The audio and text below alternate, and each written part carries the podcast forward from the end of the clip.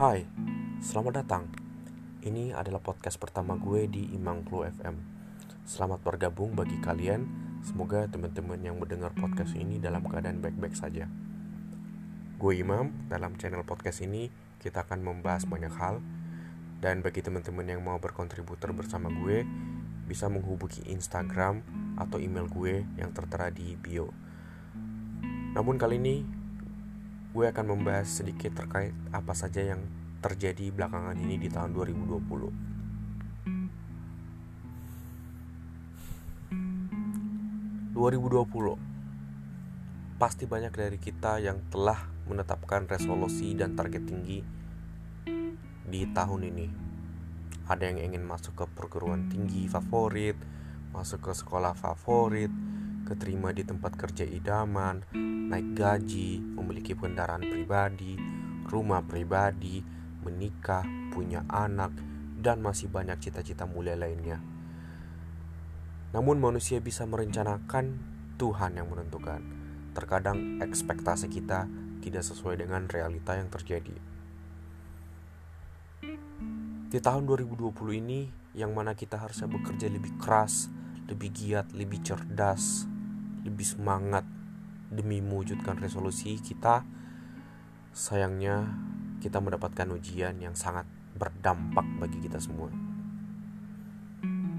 di mana triwulan pertama menjadi awal dari ujian bagi kita yakni awal tahun ini terjadi banjir di Jakarta bahkan semenjak bulan Maret kemarin terjadi pandemi yang melanda di hampir seluruh penjuru dunia termasuk di Indonesia yakni pandemi COVID-19.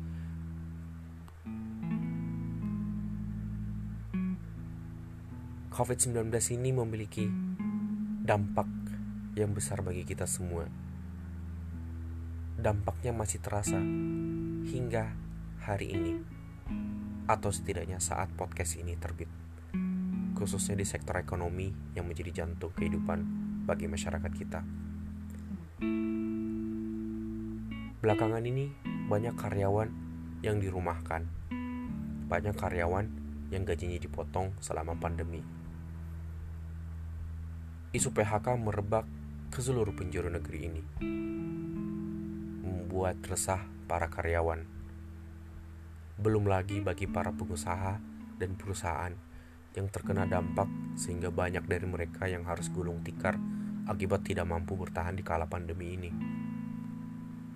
Belum lagi banyak dari saudara kita yang saat ini keadaan ekonominya makin melemah akibat tidak adanya sumber pemasukan yang tetap. Bahkan di antara mereka ada yang sampai harus menahan lapar karena tidak memiliki uang lagi untuk membeli makanan. Belum selesai ujian pandemi Covid ini, terjadi musibah banjir yang menimpa saudara dan saudari kita di wilayah Masamba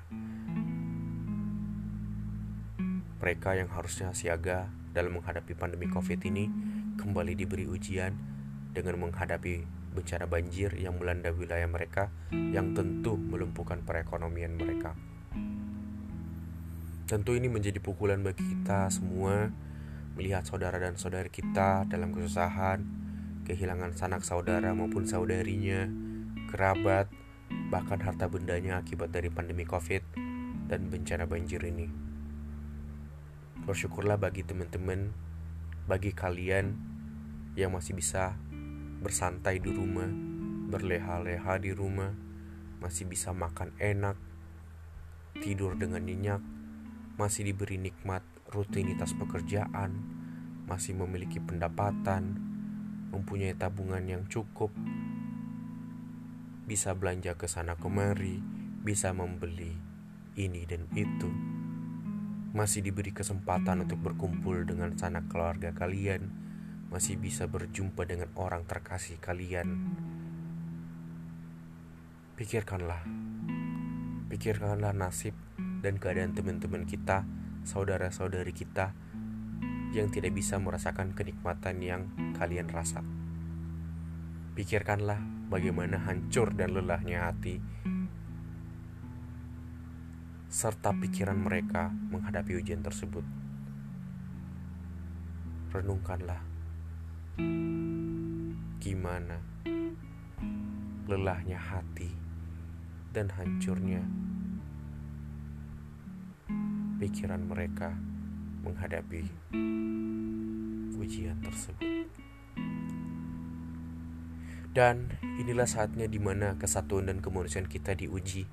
Apakah kita yang masih diberi kenikmatan akan tergerak untuk memberi bantuan dan dukungan kepada mereka baik secara fisik, material, maupun moral kepada saudara dan saudari kita yang mengalami kesusahan dan sangat-sangat membutuhkan uluran tangan dari kita. Ataukah kita justru menjadi orang yang mengambil keuntungan, bahkan mencelah, bahkan mencaci kesusahan yang dialami oleh saudara-saudari kita? Pertanyaan itu hanya bisa dijawab oleh kalian masing-masing. Tentu kita semua berharap agar pandemi dan musibah ini segera berakhir, agar kita semua bisa kembali beraktivitas, bekerja lebih giat dalam mewujudkan resolusi kita yang sempat tertunda. Terakhir, sebelum menutup podcast episode kali ini, gue pribadi mengucapkan apresiasi dan terima kasih sebesar-besarnya bagi seluruh pihak yang bekerja keras dalam memulihkan pandemi COVID dan bencana ini, mulai dari pemerintah, tenaga kesehatan, lembaga, instansi, organisasi, kelompok, maupun individu yang berjuang dan berkontribusi memberikan masukan, arahan, serta bantuan yang diperlukan oleh saudara-saudari kita. Dan bagi teman-teman yang terkena dampak COVID dan bencana banjir ini, tetap semangat, tetap berusaha. Ingat, kalian tidak sendiri, come back stronger, badai pastikan berlalu. Gue Imam, sampai jumpa di episode selanjutnya.